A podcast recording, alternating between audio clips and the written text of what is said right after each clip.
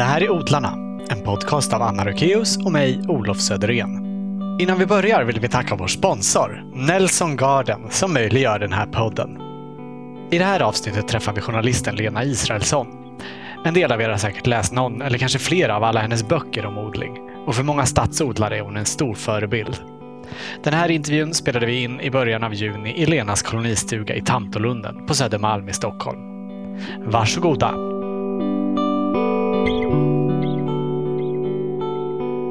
Det känns ju som att du alltid har odlat. Är det så? Ja, jag kommer ihåg att jag odlade när jag var sex år. Ja. Dessförinnan kommer jag inte ihåg. Men jag kommer desto mer ihåg det lilla grönsakslandet. Jag, jag tror jag är präglad på det. Ja. Det var i Norrbotten. Jag kommer från Norrbotten, i en liten by som heter Trundön. Och det, var Var bara, ligger det någonstans? det ligger mellan Piteå och Luleå i skärgården. Ja. Och det var en rundel på mindre än en kvadrat och så hade jag plockat stenar runt om. Så jag förstod ju liksom att trädgård är ett litet rum. Och så sådde jag rädisor där. Men alltså jag har så starkt minne av det där, de där att jag satt på kanten där med mina rädisor. Och sen har jag odlat eh, även när jag var tonåring och eh, alltså jag var ju då ganska jag var inte mammas flicka om man säger så. Så det var nog ganska ovanligt att odla då, men vi hade en liten trädgård hemma och, och den skötte jag gärna. Så att eh, jag har det i mig tydligen. Fanns det folk omkring dig som odlade när du växte upp också? Nej, alltså min mamma bara på det sättet att man ska ju ha sallad. Sen var det ju sådana fördomar i Norrbotten, man kunde ju inte odla någonting trodde man. Det var mandelpotatis, sallad och möjligen morötter och dill. Det var liksom bara det. Men hon, hon gjorde inte det som en, för att hon var passionerad odlare. Men eh, bara för ett par år sedan fick jag reda på att mormor, som dog samma år som jag föddes, hon odlade, de var sån här barn, eh, morfar var barnvaktare i Västerbotten och Norrbotten och Lappland. Och då åker man runt från olika eh, järnvägsstationer och bor några år här. Och då var det någon som berättade att mormor var så galen för varje ny plats de kom, om det så var Nattavaara eller Jörn eller vad det var, så skulle hon starta en ny trädgård och hon odlade jordgubbar. Det var ju sensationellt där. Ja. Det kändes så skönt. Då fanns det plötsligt en länk mellan mig och mormor som jag aldrig träffade. Har du några andra förebilder när det gäller odling? Ja, synd att säga, men det handlar om gubbar. Det är ett antal gubbar. Eh, Nils Åkerstedt till exempel, eh, som jag på något sätt som har varit inspirationskällor och som jag känner mig besläktad med. Det var en trädgårdsmästare, det är, han, han bor på Öland nu, en trädgårdsmästare i trakten av Sundsvall som kom på den otroligt genialiska idén att använda gräsklipp som gödsel. Är det han som odlar i sand? Ja, men det är den ena grejen, men det andra är, är gräsklippen och med tanke på vilka oändliga gräsytor vi har så är det ju jag menar, det är ofattbart att ingen har kommit på det tidigare, ingenstans i Europa. Alltså, jag menar, det, finns ing, det, det är han som har kommit på det. Så han har ju betytt väldigt mycket, men sen så var han ju, då när jag hälsade på, alltså han, han var ju en provodlare av stora mått. Jag minns han hade ryggproblem, så att han låg, hade någon slags liggstol i trädgården. Och jag satt där bredvid honom som en lärjunge och lyssnade och sög i mig. Men som sagt, han är runt 90 och han är fortfarande aktiv och håller på. Du har skrivit i, i någon av dina böcker också om en whiskytunna som var Ja, på, på, ja, du tänker på våran gård, ja. Jo, Eh, jag har ju bott på en gård på Södermalm. Det var eh, rivningskvarter då. Och så var det såna asfaltgårdar som jag nästan kan sakna nu. Det var väldigt mycket stämning i dem. Och då hittade vi i tvättstugan eh, såna här gamla whiskytunnor som man hade i tvätten. Som vi började odla. Så, så startade odlandet på gården och det är kanske 35 år sedan. Har du alltid bott i lägenhet? Eh, nej, inte när jag var barn. När jag var barn bodde vi både i lägenhet och sen, sen i hus. Men eh, själv har jag bara bott i lägenhet. Jag är så otroligt rotad i mitt kvarter. Det är mitt hem, det är min by, det är mitt allt. Så att det finns ingenting som kan ta mig därifrån. Så att ingen villa i världen kan göra det. Nej, du har aldrig drömt om att bo i hus och ha nej, trädgården? nej, men det beror ju på att, att mitt kvarter eh, betyder så mycket för mig. Ja. Och där, jag menar, vi, jag kan ju odla på gården och odla på balkongen och sen så med kolonilotterna. Ja, för ni har ju massa odlingar på gården ja, där också. Ja, och till ja, och med och, höns. Ja, precis. Jo, men jag alltså, har ju haft turen då att ha grannar som är öppna för alla förslag.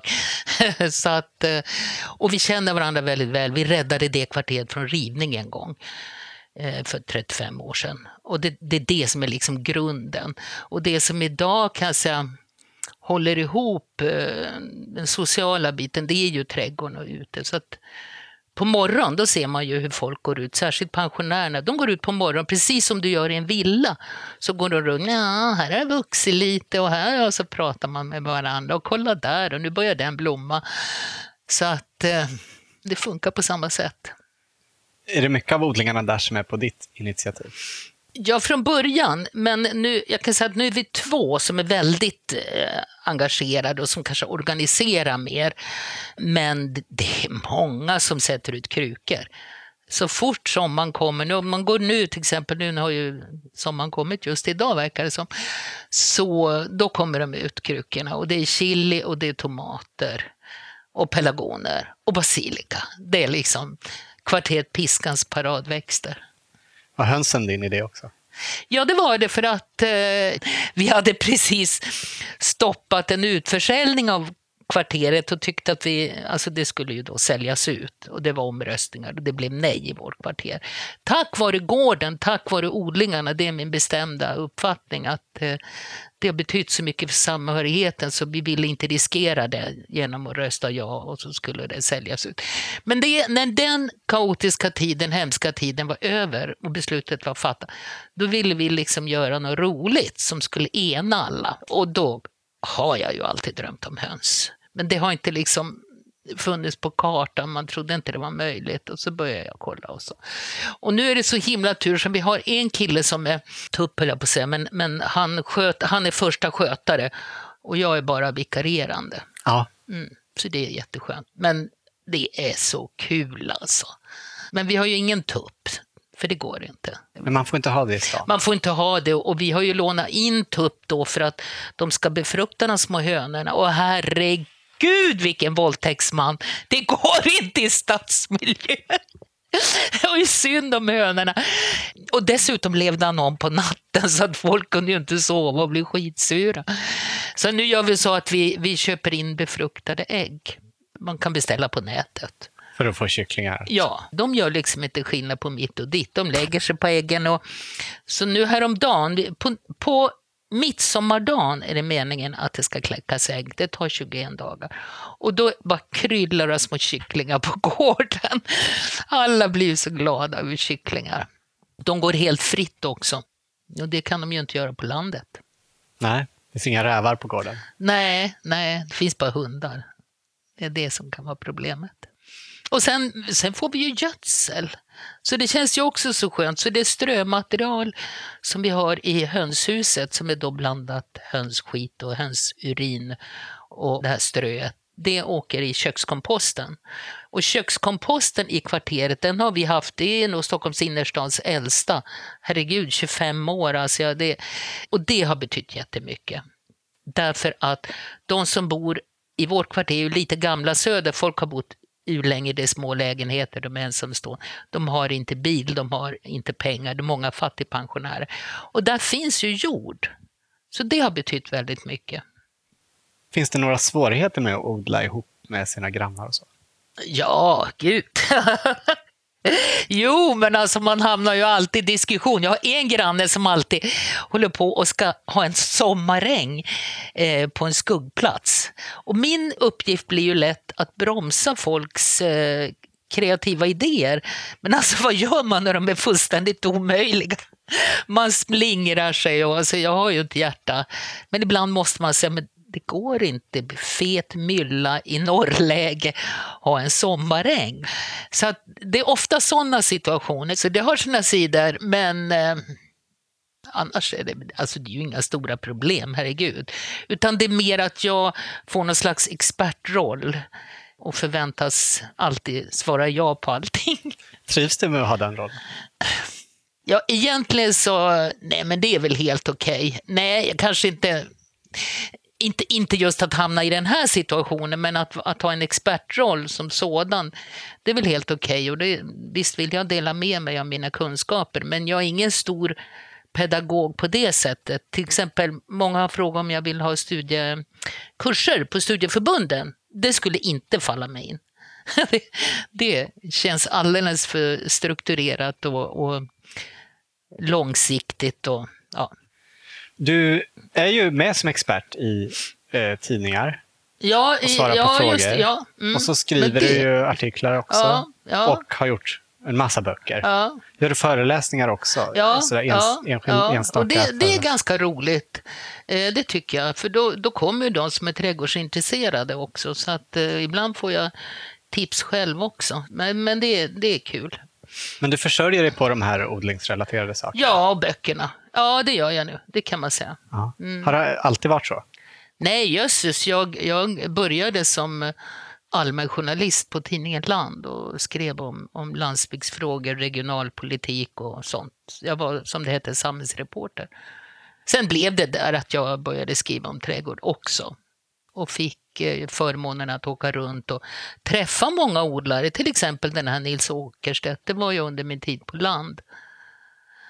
Så att, ja, det var, det var ju ett privilegium. Och sen är det ju så att när man skriver om trädgård, då gör du ju, du gör ju research på varje grej så att säga. Du ska åka och träffa någon som har samlat krikonträd, mirabellträd. Ja, men då får man liksom skaffa information om det.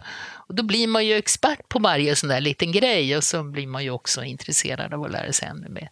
I eh, din bok Cityodling så skriver du ju om just att odla i staden. Vad tycker du man ska göra om man vill börja med det och inte har någonstans att odla?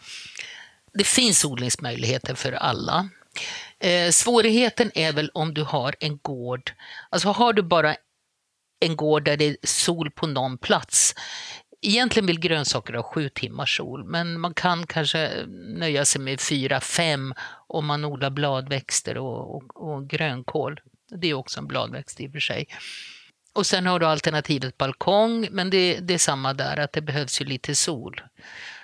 Om vi nu pratar om ätligt. Men sen finns det ju odlingslotter utanför stan. Och sen är det ju rätt många projekt nu på gång, odlarprojekt med pallkragar. Eh, svårigheten att det, liksom, det är inte samordnat. Man kan ju gå in på odling, på, på Facebook finns det grupper, eh, Stadsodling Stockholm, Stadsodling Sverige och ställa frågor. För, för att det är väldigt mycket på gång nu eller om man är initiativrik och verkligen har bestämt sig så kan man ta kontakt med sin stadsdelsförvaltning och säga att men då måste du se ut en plats själv i någon park och säga att jag vill odla grönsaker, några pallkragar där. Alltså, det är väldigt positiv inställning. Det är som att alla vill vara med på det här tåget. Sen kanske de inte är beredda att låta det kosta så väldigt mycket, men eh, det är lättare än man tror. Och likaså där man bor. Om man tänker sig man bor ute i förorterna, där du har stora gräsytor. Där finns ju alltid möjligheter och då är det bara att ta kontakt med världen. Det är en poäng med de här odlingarna som är precis utanför knuten, i kvarteret. Det skapar ju väldigt mycket gemenskap och det skapar trygghet för barn. Alltså, det är ju så, är vuxna ute mår barnen bättre vi har ju en generation nu unga där många faktiskt inte begriper ett jota om växande, inte begriper ett jota om hur maten produceras eller något. Och det, man kanske inte ska förvänta sig att det ska bli naturvänner och miljökämpar av dem. Jag tror att nej, men det är jätteviktigt att, att barn får vara med och odla. Sen är det det du, du lär dig ju, man är ju så receptiv som barn. Det märker ju en del vuxna har ganska svårt att lära sig odla på gamla dagar, men ett barn lär sig på nolltid. Du minskar ju också koldioxidutsläpp. Du gör ju en miljöinsats i det lilla, absolut. Men man ska kanske inte överdriva betydelsen av pallkrageodling därför att det är så små ytor. Men visst gör du en miljöinsats genom att odla det själv istället för att åka iväg till en stor marknad med bil och det är paketerat och alltihop. Det gör man ju. Men sen får du ju också du får ju obesprutad och mat och god. Det får man liksom inte glömma att du du kan inte köpa sallad som smakar färsk, som färsk sallad. I samma ögonblick som du tar upp en, en grönsak ur jorden startar smakförändringar, alltså det är ju kemiska processer. Så redan efter några timmar så smakar inte en odlad vitlök på samma sätt som det gjorde precis när du drog upp den. En väldigt speciell doft då också. Den får man bara uppleva precis när man drar. Så några minuter har man det kvar i fingrarna. Och det har ju också en pedagogisk betydelse att man lär sig vad bra grönsaker är. Det märker man ju de här äldre som är uppfödda på, på hemodlat. De tycker ju bara det är skit i affärerna. De har ju liksom uppövat den här känslan för hur en grönsak ska smaka. Hur ser dina visioner ut för en grönstad? Jag skulle ju vilja att stan var som mitt kvarter. Alltså att det fanns många sådana kvarter där människor vistas mer ute tillsammans och lär känna varandra och eh, ja, en bykänsla i stan helt enkelt. Och naturligtvis mer odlingar, men jag skulle också önska att parkerna var fruktlundar. Och det där är trögt.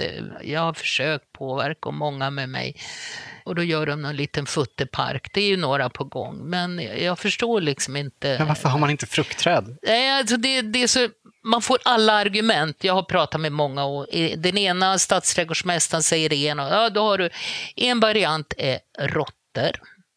Men då har de ju prydnadsaplar, råttor tycker de prydnadsäpplen i så fall också. Det är ju små äpplen. Halkrisk på frukten, de kan halka och slå sig. Arbetet, och det kan jag ju förstå eh, med beskärning, men då kan man, alltså vanliga träd beskärs ju också. Och vi har ju fruktträd på gården som de planterade då för 30 år sedan. Jag kan inte säga att de är besvärligare att klippa än andra träd. Lite, men det är en gradskillnad. Men man kan ju också göra så att man har många typ buskkörsbär, rotäckta plommon eh, som, är, ja, som bara behöver liksom glesas ut lite då och då. Och bärbuskar ska vi inte tala om, de är ju hur lättskötta som helst. Precis lika lättskötta som Ölandstok eller vad du vill.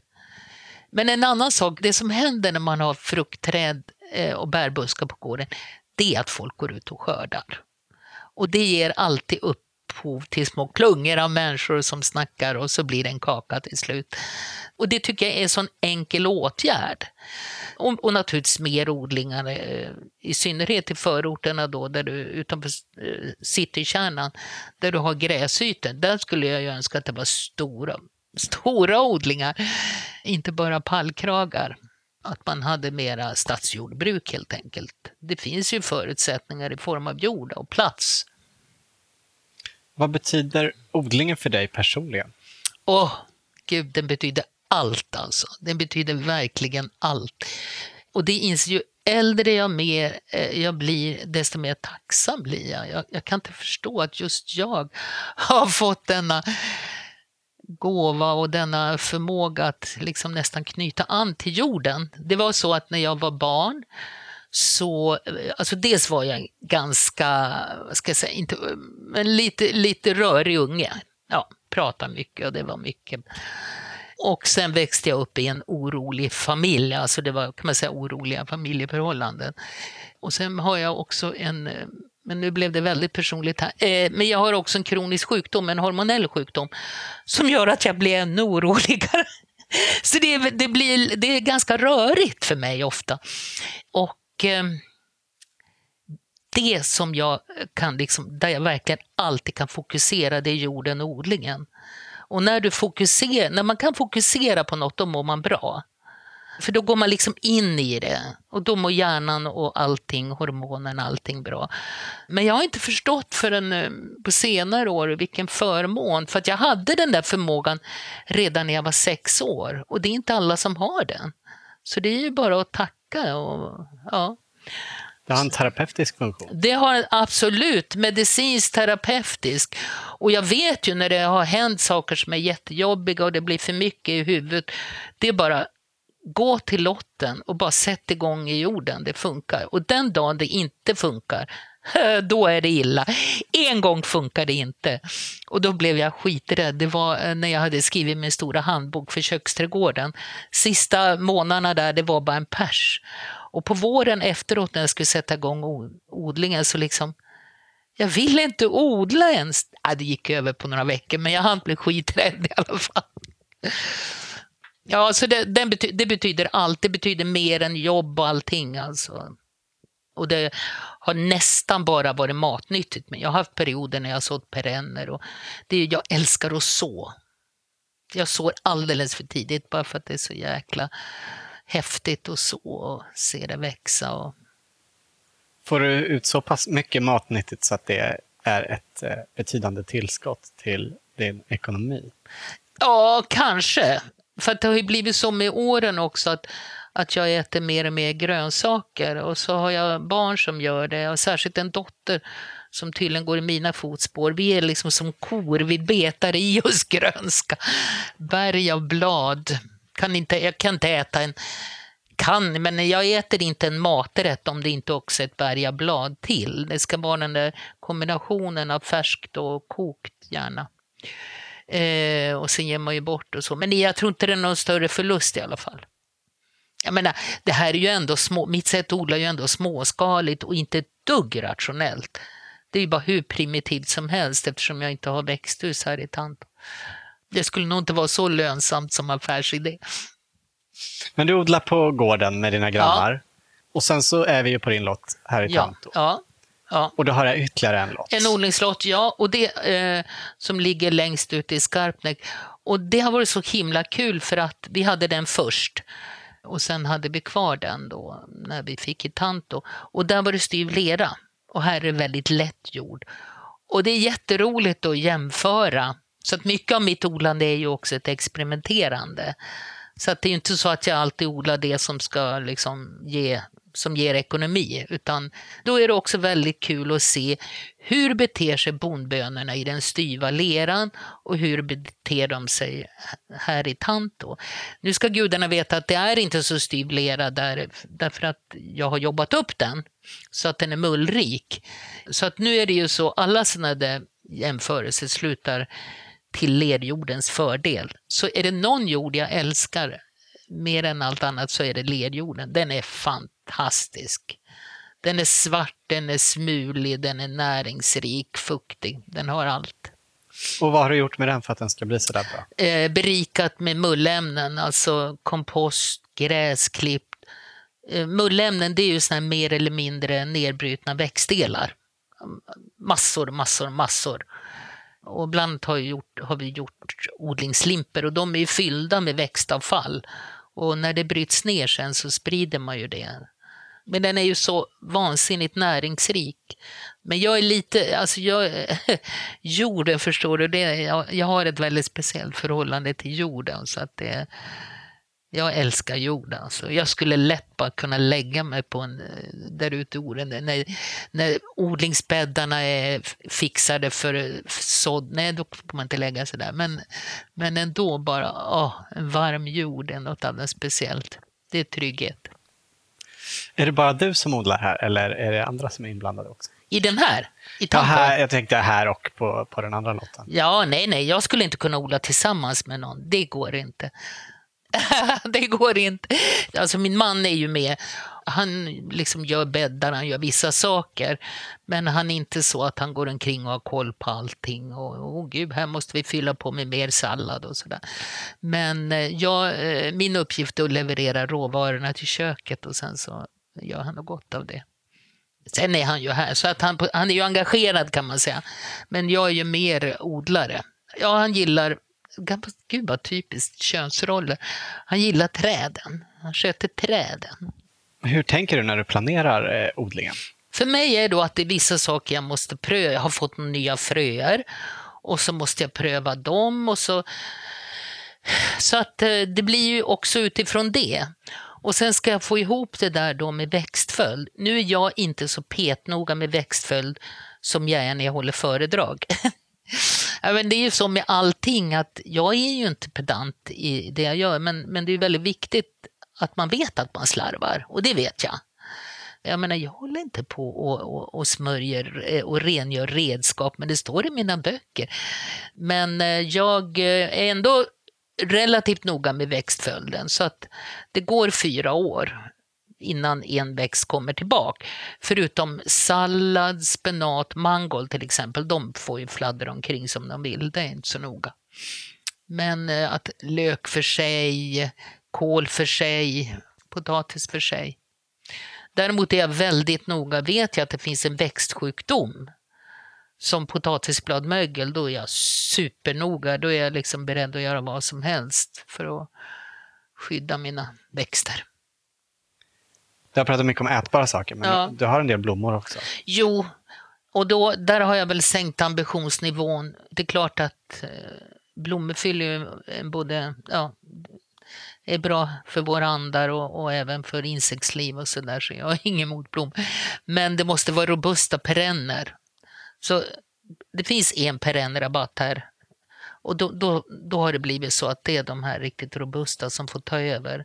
För Alltså jag avskyr att hålla på och, och rensa knölklocka och sånt som bara kommer tillbaka. Och det spelar ingen roll hur mycket jobb du lägger ner, det kommer tillbaka i alla fall. Det går liksom inte, det är obotligt. Så det tycker jag är trist. Däremot så har jag alltid sommarblommor. Sommarblommor odlas ju ungefär som eh, grönsaker på samma sätt. Och det är så himla vackert och det finns så många gamla fina sommarblommor som gamla astrar och sinior. Och jag odlar väldigt mycket sådana. Det blir ljuvliga färger. Och... Du nämnde knölklocka. Har Ja. du provat att äta knölarna? Nej, nej, det har jag inte gjort. Nej, jag vill inte se åt dem ens. Det är, det är den värsta fienden. För Och jag det slipper man. Alltså när man odlar grönsaker, och såna, för den jobbar man så mycket med. Du får inga fleråriga ogräs. Så jag har, ju, jag har ju gjort om bäddar som det har varit perenner i och börjat odla grönsaker för att det är enklare. Och så tänker de flesta tänker tvärtom, att nej, jag sätter perenner, det är mycket enklare. Så sitter de där och gräver sina knölklockor. Tänker du mycket på rumsligheten i trädgården? Ja, det gör jag. Eh, men det gjorde jag ju mer när man planerade här. Nu är det nog så att ljuset är nummer ett. Att jag alltid tänker ljus. Jag skulle kunna sätta upp pyramider och portaler och allt vad du vill och det skulle se jättehäftigt ut men det tar ljus. Och där är jag jäkligt snål. Jag hade mer sånt förr faktiskt. Eh, alltså olika strukturer på höjden och så. Men det, det, jag har en del, det har jag. Och sen där ute, odlingslotten vi pratade om, där har jag ju satt upp en jättestor odlingstunnel, eller jättestor, men en odlingstunnel. Den har ju fullständigt förstört. Där var det väldigt vackert med symmetrisk odling, med ja, symmetriskt placerade, sådär som det var gamla köksträdgårdar. Det är helt sabbat nu. Har en odlingstunnel. Hur stor är den? Den är, vad är den, 12. Det är mycket på en kolonilott och den är hög. 12 kvadrat. Ja, just det. Och vad har du i den? Där har jag, först hade jag varmbädd tidigt på våren, nästan vinter, eh, med gödsel under, stallgödsel som alstrade värme. Så att eh, våren odlar jag i alla bäddar där, vad ska man säga, kallvädersväxter. Eh, men också snabbväxande rädisor, rucola, plocksallad, spenat, rover också, så det morötter också. De är ju väldigt köldtåliga. Så det är de här första. Och eh, nu börjar jag ju skörda, jag skördar mycket, men när det är skördat så sätter jag ut tomater och paprika. Och aubergine. Odlar du tomater och paprika på friland också, eller är det bara i tunnan? Ja, det gör jag, men med tomaterna blir det problem med potatisbladmögel. Och då är jag jättenoga med att försöka, alltså det finns ingen sort som är resistent, tyvärr. Jag odlar inte, inte potatis här i Tanto eftersom jag odlar frilandstomater, det går liksom inte ihop. Det är ju så att pota potatisbladmögel sprids från potatis till tomat, det är ju samma växtfamilj. Och angreppen får en mer dramatisk effekt på tomaterna, därför den går väldigt snabbt på frukten. Så en potatisplanta kan vara angripen, men det behöver inte ge något problem om det är tidig frukt. Du hinner skörda innan, men den sprider smitta. Och vad som är viktigt då med, med blasten, det är att man blastar av. Alltså man skär av det och inte komposterar, tyvärr, utan man måste slänga det i soporna. Eh, och det är väldigt få som gör det, utan man låter den här potatisen, blasten, vissna ner i landet. Och då blir ju jorden verkligen mättad av svampsporer. Så att då, då finns den ju i jorden också kan man säga. Går det inte ut över potatisskörden om man tar bort blasten? Nej, det är till och med så att jag såg en siffra att det växer 20 procent tror jag efter att du hade blastat av. Det lät lite för bra för att vara sant, men det var enligt något universitet. Men det är klart, det där är ju en kompromiss du får göra om du märker att det är hyfsad storlek på, tomat, eller på potatisen. Då, då, finns det ingen anledning att inte blasta av. Men om du tycker liksom att ja, men det har ju inte blivit något, det är ju bara pytteknölar, ja men låt dem vara kvar ett tag då. Men om du ser att den här, de här bruna fläckarna breder ut sig, potatisbladmögeln, då måste du ta bort det. I dina böcker så får man intrycket att det här med potagerer ligger dig varmt om hjärtat. Potager det är ju franska för köksträdgård, men det har ju också blivit ordet för dekorativ köksträdgård. Men det var ju så när vi fick kolonilott i Tant då, då ville man ju liksom göra en, en trädgård som var både liksom angenäm och vistas i och vacker och blom. Den skulle in och, det skulle vara ett litet paradis. Så den är ju planerad som det. För jag älskar ju att gå i en köksträdgård. Nu tycker jag bara det är underbart även om det är grönsaker, men, men är det en harmonisk plan och som du sa också lite rumskänsla så är det ju underbart. Och det är ju inte någon, det är ju liksom ingen motsättning i sig. Och det är ju så dumt. Jag tänker på när jag var barn, de, det grönslagsland som min mamma hade, det var ju alltid i ett hörn längst bort. Och så var det väl bakom några buskar, det var ju liksom ful trädgården. Sen fanns det i och för sig ingen fin trädgård heller, men det fanns en ful trädgård.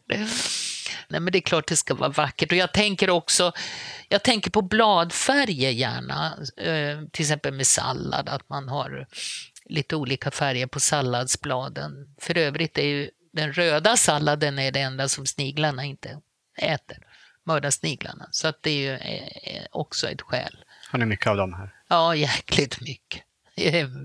Det kryllar av dem. Men vi har duktiga snigelplockare. De kommer i stort sett aldrig in i odlingsbäddarna. Plockning är suveränt. Inte så kul dock, men, men eh, man får lite jaktinstinkt. Det är lite spännande också. Ja, du plockar dem och tar dem av dagar? Ja, just det. Jag har, jag har ju ganska grova skor då. När jag, jag tar dem med skon. På, klyver dem med skokanten eller något annat redskap och sen bara lämnar jag det. Alltså inte hålla på och krångla och bära hem dem och något sånt, utan ja. Jag har hört att såna här eh, pantersniglar hävdar revir och eh, jagar bort spansk skogssnigel. Jo, jo, jo, jag vet. Och det, alltså de är, men problemet med dem är att de är så få. Ja. Alltså de har inte samma förmåga att föröka sig. Men det är verkligen värt att eh, uppmärksamma för att Många har gjort så att de avlivar alla sniglar, även pantersnigeln. Så att den, och den är ju så fin också. Har ni såna här?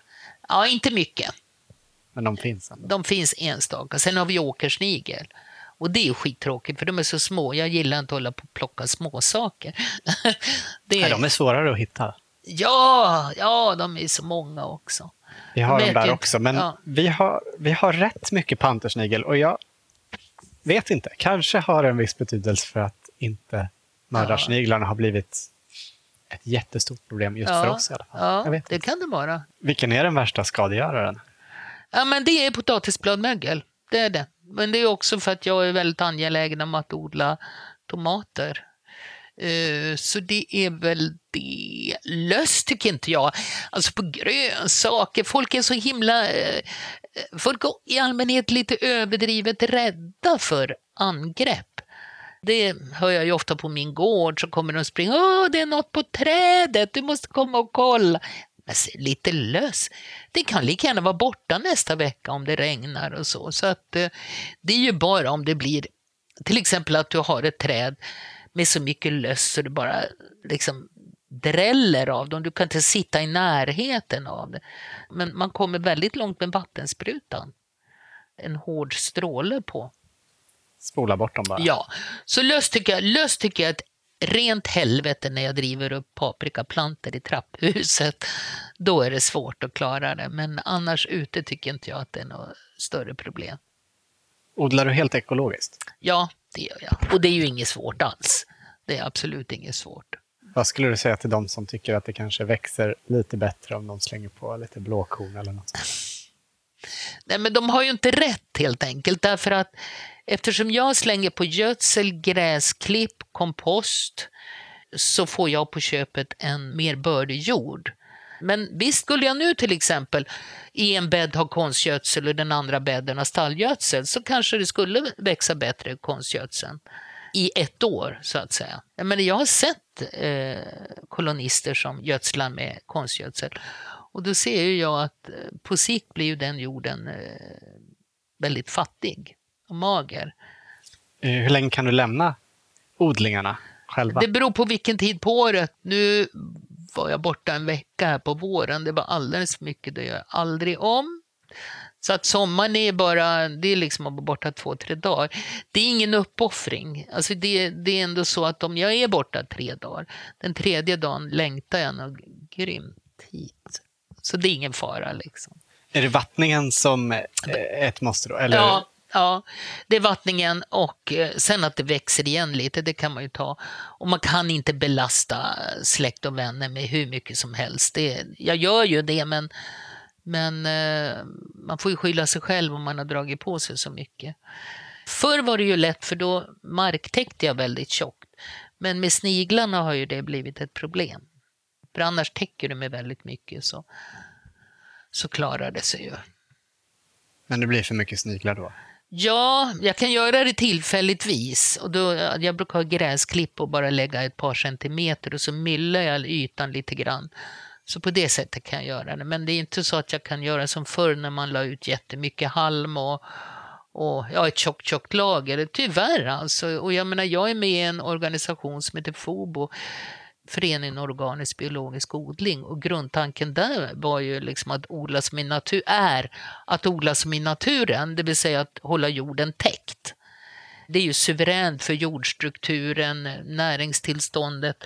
Men eh, det här med mördarsniglarna, det, är ju, det går inte riktigt ihop. I Jordens täppor, som också är en bok du har skrivit, mm. där har du ju besökt odlingar runt om i hela ja, världen. Ja. Vad på jorden skulle du helst vilja odla om du fick välja? Åh, oh, nu måste jag tänka efter. Jag är väldigt förtjust i de här ryska mm, gurklanden eh, och deras jordkällare. Om jag fick ett sånt. Eh, jag har inte så behov av väldigt mycket värme. Mellanöstern är ju så det är ju så trevliga människor där. Trädgårdarna, trädgårdsodlarna är så otroligt generösa. Man börjar närma sig en trädgård så har man plötsligt famnen full med grönsaker. Och ja, nu tycker jag att det är väldigt bra att odla här också. Men jag är lite tjusad av de ryska eh, gurkodlingarna och, och jordkällan. Oj, oj, oj. kan du inte längta efter att kunna odla en större del av året? Nej, nej, men det gör, det gör alltså nu odlar ju jag, det håller jag på med en bok som handlar om nu också.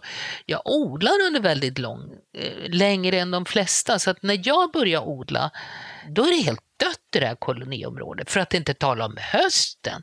Alltså vi är ju ensamma i tre månader. Folk packar ju ihop när den tidiga potatisen är skördad, så packar man ofta ihop, alltså man odlar inget mer. Och, och, då ligger jorden bar och det finns fortfarande näring kvar i jorden och så regnar den näringen bort och jordstrukturen förstörs. Så det, eh, för jordens skull är det också bra att hålla den igång. Så jag börjar ju inomhus i januari. Onödigt tidigt, börjar alltid för tidigt, men det är bara på nöjeskontot. Andra börjar väl kanske februari, mars med eh, mars snarare med tomater och chili så då håller jag på med förkultiveringen och, och det, det tar mycket tid och det är väldigt roligt. Och sen så såg jag ju tidigt ute också. Ja, men det, det håller på från februari till november. Och det beror ju på att vi har haft så varma vintrar. Ja, de sista åren sen, har det ja, varit väldigt Ja, ja, så till och med december har jag skördat olika såna här italienska cikoriasallader är ju fortfarande kvar. Och, för att inte tala om grönkål och svartkål. Jag menar grönkål tål 18 minusgrader. Överhuvudtaget, vi, folk tror att alla eh, grödor som vi odlar inte tål frost. Men de flesta gör ju det. De flesta tål flera minus. Du kanske sett mangold har övervintrat. Ja, men vad betyder det? Det betyder att den tål flera minusgrader och det är jättemånga som gör det. Ja, men varför växer de inte då kan man undra. Alltså de, de överlever men de växer inte. Det är inte kylan som är det största problemet, det är bristen på ljus. Men sen då så är det ju ett par månader. Slutet av november, december, eh, januari. Då odlar jag faktiskt inomhus har jag börjat göra. Vad har du för något då? Nej, men, jag under, men jag har lysrör då. Jag odlar olika bladväxter framför allt. Det kan vara smörgåskrasse, det kan vara spenat, amarant, eh, så att det blir såna här miniblad som man, man, man klipper när de är väldigt små. Det blir som mattor. Solroskott, oh, det är ju skitgott. Men då odlar du upp saker och skördar bara en gång? Ja, det beror på. En del kommer upp fler gånger. Ärtskott till exempel. Alltså det är ju naturligtvis väldigt mycket pyssel. Och sen grodda, det är också en sorts odling. Det är väl det som är allra enklast ändå. Vad groddar du för något då? För vi har ju kört alfalfa, ja. eh, mungbönor och bockhornsklöver. Men ja. det känns som de allra lättaste. Mungbönor är ju otroligt, men de är bra användbara i matlagning också. Nu finns det ju frön, på, ofta på hälsokostaffärer, på sånt som kan groddas som Eh, broccolifrön och lite sådana där saker. Mer, mer att välja på. Men jag har faktiskt fastnat för mungbönor. Jag tycker de är goda, både färska och så att på det sättet blir det året om och så blir det lite lugnare då i, i november, december. Då, då känns det helt okej okay och, och januari att, att vila lite. Ja, du gillar att det finns ett, en cykel i det, så att, säga. Ja, att det inte är ja, jämnvarmt. Ja, och, och kanske att man får en paus där man liksom kan sitta och planera, tänka, skicka efter frön, eh, kolla på nätet och få inspiration och sen liksom den här längtan som bara laddas upp så att man blir nästan som en, vad heter det, tävlingshäst eller något, man ska gå igång.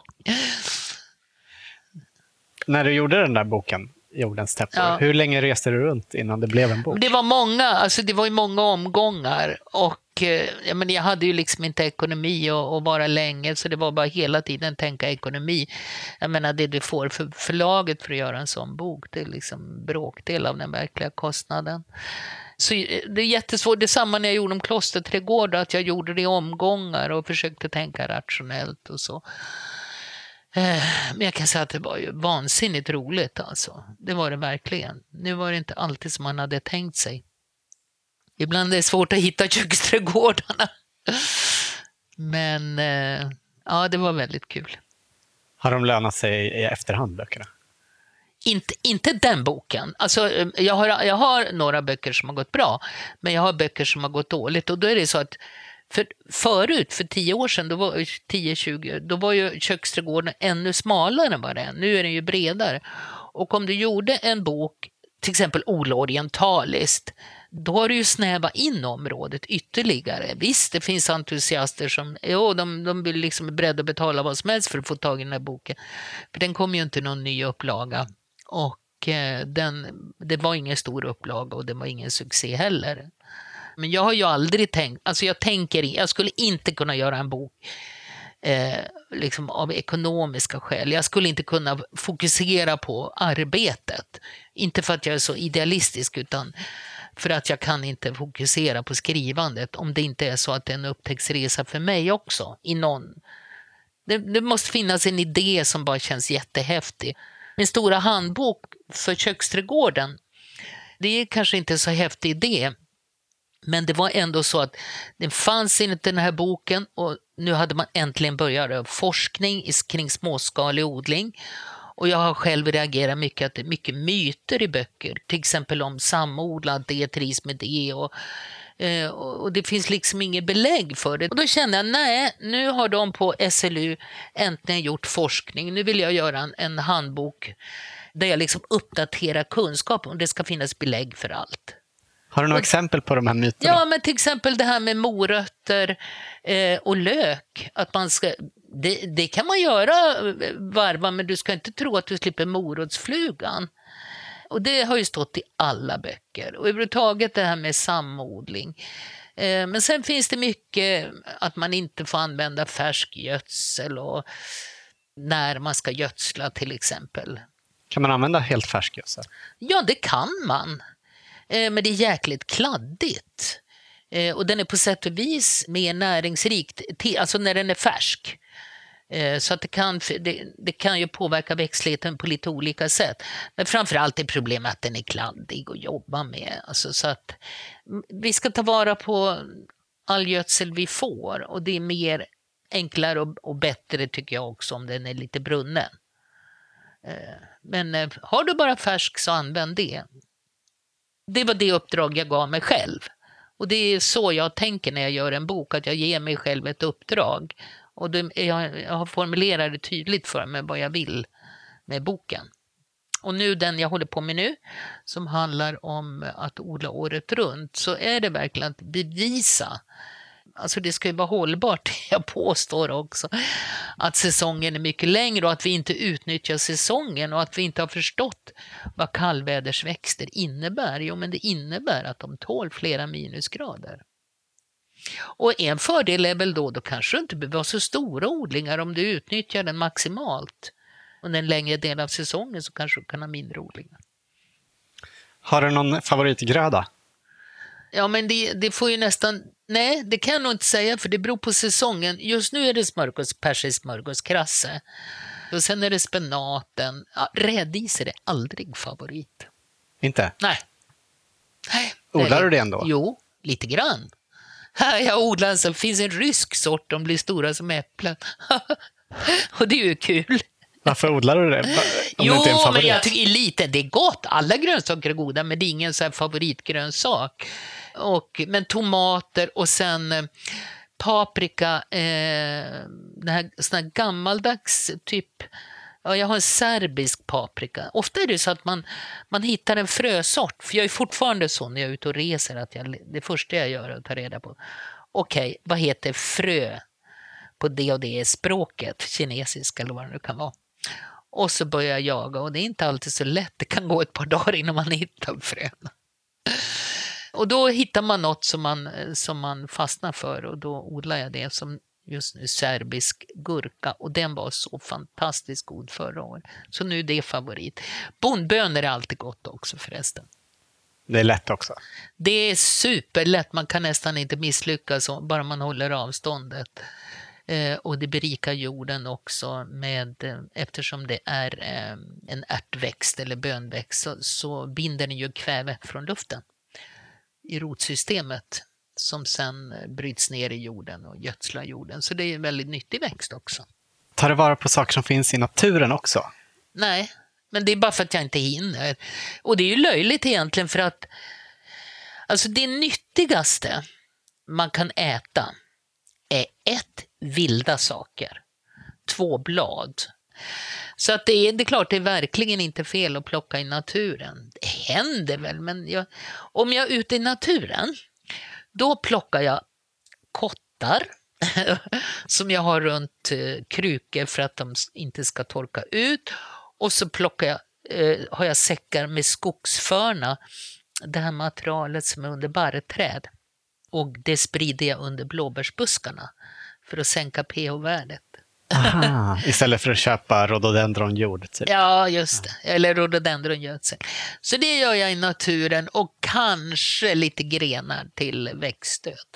Så jag har ju fullt upp ändå. Du plockar inte bär och svamp? Jo, och gud, svamp! Det, det är jag absolut. Och, och, bär, men, men du vet om man kommer från Norrbotten så tycker man liksom, det, i norra Sverige är det ju något helt annat att plocka bär. Men jag tyckte jättemycket om att plocka bär. Men nu är det svamp som gäller. Har du provat att odla svamp någon gång? Nej, jo, jo det har jag. Eh, stolt fjällskivling och den kom upp året efter en svamp.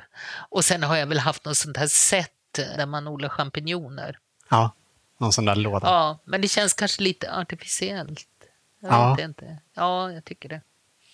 Jag har lite planer på att prova ostronskivling på en ekstock som Ja. jag har hittat. Ja, men gör det. Ja. Ja. Jag var på en utställning i USA och Gud vad de hade mycket svamp och jag kände att jag borde ha haft tid att prata lite mer med dem. Och det var alla möjliga stockar. Det, det händer mycket på den fronten. Ja, gör det och berätta för mig sen så ska Ja. jag... Ja, det är ett bra komple- komplement till grönsaker med ja, svamp. Ju. Ja, ja, smakmässigt är det ju liksom perfekt kombination. Är det alltid bara kul att odla eller kan det kännas stressigt eller motigt ibland? Stressigt är det om man ska åka bort. Men annars är det ju inte motigt. Men det är klart att ibland har man ju bråttom och man ska iväg på något och då är det ju stressigt. Men eh, det är ju inte odlingen som är stressig, det är ju att jag måste bort. Att jag måste lämna den. Har du ofta dåligt samvete? I förhållande till växterna? Ja, det har jag. Det är nästan som barn. Oh ja, det har jag. Att du Tycker inte hinner ta hand om någon som du? Ja, det, det tycker jag nog att jag har. Särskilt lider jag när jag har drivit upp planter. Jag, tomater till exempel har jag i mjölk, en liters mjölkförpackningar. Och de är ju väldigt långsmala och de torkar väldigt lätt och när de blir stora så då måste de få komma ur den där förpackningen. Men det är ju inte så jäkla lätt när det inte går att plantera ut. Och man ser att de stannar i växten och, och så hinner man inte med. Då får jag dåligt samvete. Just det här när man liksom krymper dem, stackarna. Finns det någon i din närhet som tycker att du håller på för mycket med odling? Nej, inte någon som eh, vågar säga något. Ingen som du känner ingen, till? som har, ingen som har uttalat, men det är jag ju övertygad om att det finns. Det är klart det finns. men jag tål att höra det i så fall. Får de säga det? Ja. Det är väl det, alltså att när man håller på mycket med odling så är man kanske inte alltid så social. Som, eh, för jag är i grunden en social person, men det hemska är väl att odlingen går före. Det kan väl vara trist. Så då, eh, det är väl därför som det är lite problematiskt att skriva bok också, för då blir det liksom, och det är ett jobb man håller på med under sommarhalvåret. Och då blir det väldigt lite tid över med eh, ja, umgås så mycket som man också vill. Ja. Men du har en ny bok på gång. Ja. Det finns inga planer på att gå i pension? eller? Jo, det ska jag göra eh, nu till sommaren, men vad det betyder det är att det kommer pengar i brevlådan. Det är helt otroligt, för det bara kommer i brevlådan en gång i månaden, så det blir kul. Eh, Du kommer inte sluta skriva böcker eller skriva? Ja, eller? alltså jag kommer inte att skriva en bok nästa sommar. Nu vill jag vara som en, en svenssonodlare, alltså också liksom sitta här och ja, umgås faktiskt och få lite tid. Också tid att skämma bort växterna mer. Alltså jag har ju trappat ner, jag har inte ägnat mig så mycket åt frilansjournalistiken sista året. Vad tror du är det vanligaste misstaget som folk i allmänhet gör i sina odlingar? Ja, det är väl flera. Eh, det är, en som jag stöter på väldigt, väldigt ofta, det är att de sätter för tätt. Och då blir jag så här, men 17, det står ju mycket avstånd. Men då behöver jag bara tänka på hur jag var själv när jag odlade. Det spelar ingen roll vad det stod på fröpåsen. Jag skulle ändå tränga ihop det. Och det händer fortfarande. Har du hört talas om någon som sätter för glest? Det gäller buskar, det gäller allt. Så att eh, det är mänskligt på något sätt. Men eh, När man sår så har man ju en bild framför sig att det ska bli så tätt och fint. Ja. Och lätt och, men man tänker inte heller på hur stort det blir. Jag menar, nu var en, en, en vän som, som hon har på jobbet startat pallkrageodlingar och så undrade hon hur många tomater hon skulle ha i pallkragen. Och hon hade redan planerat, hur många hade du då? Ni, nio sa hon. Och det lät som nästan trodde hon kunde klämma in några till. Men Hur många också- hade du satt då? Ja, max fem kanske, om det är höga. Men även, även låga, de brer ju ut sig väldigt mycket. Ja, men det är samma med squash, max två planter. Det andra är ju bortkastat att sätta mer. Men då hamnar man också i den där rollen där man ska liksom vara negativ och säga du borde nog ta bort några planter. Och då slutar det med att äh, men du kanske kan ha kvar det och så ja, om det, du ser att det blir trångt kan du ta bort. Så det är det att man sätter för tätt, det gör alla.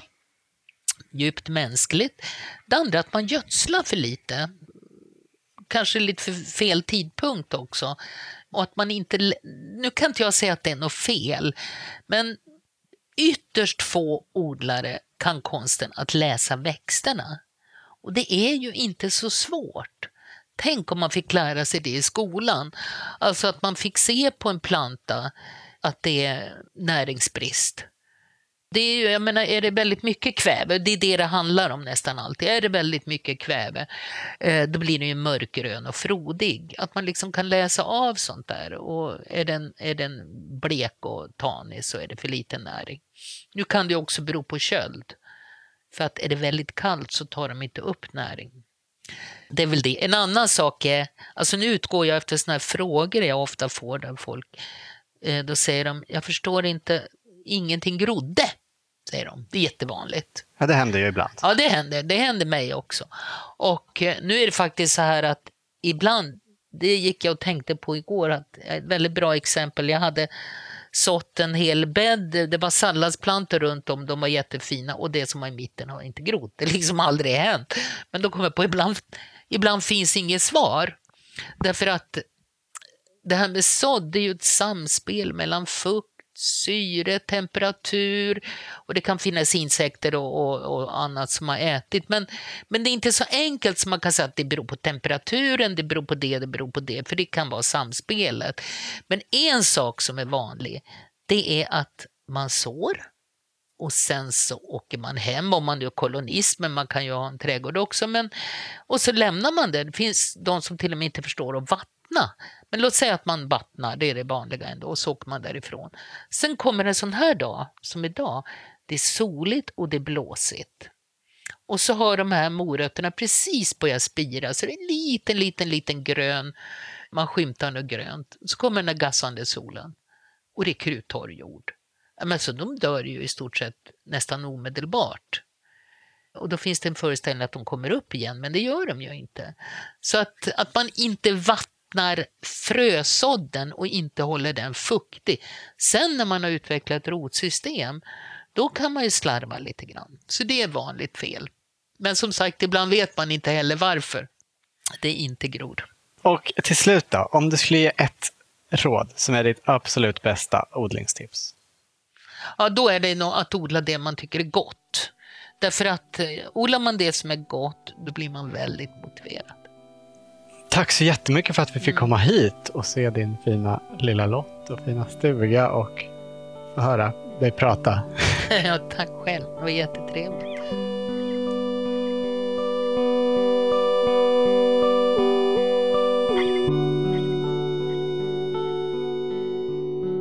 Du har hört Lena Israelsson i Odlarna. Om du inte har läst någon av hennes böcker så passa på nu i sommar. Lena är också en flitig twittrare. Där heter hon Lena Is. Tack för att du lyssnat och tack igen till vår sponsor Nelson Garden som möjliggör den här podden. Producent för odlarna är Anna Rökeus. Jag heter Olof Söderén.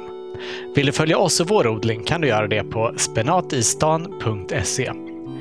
Om du har synpunkter på det här programmet eller tips på personer du vill att vi ska intervjua så mejla oss på odlarna.podcastgmail.com Nästa avsnitt kommer om två veckor. Vi har flera spännande intervjuer på lager, men har inte riktigt kunnat bestämma oss för vem som blir näst på tur. Vi meddelar det på odlarnas Facebook-sida så snart vi har spikat vem det blir. Så du som är nyfiken kan följa oss där. Där finns förresten också lite bilder från Lena Israelssons koloniträdgård. Ha det fint! Hej då!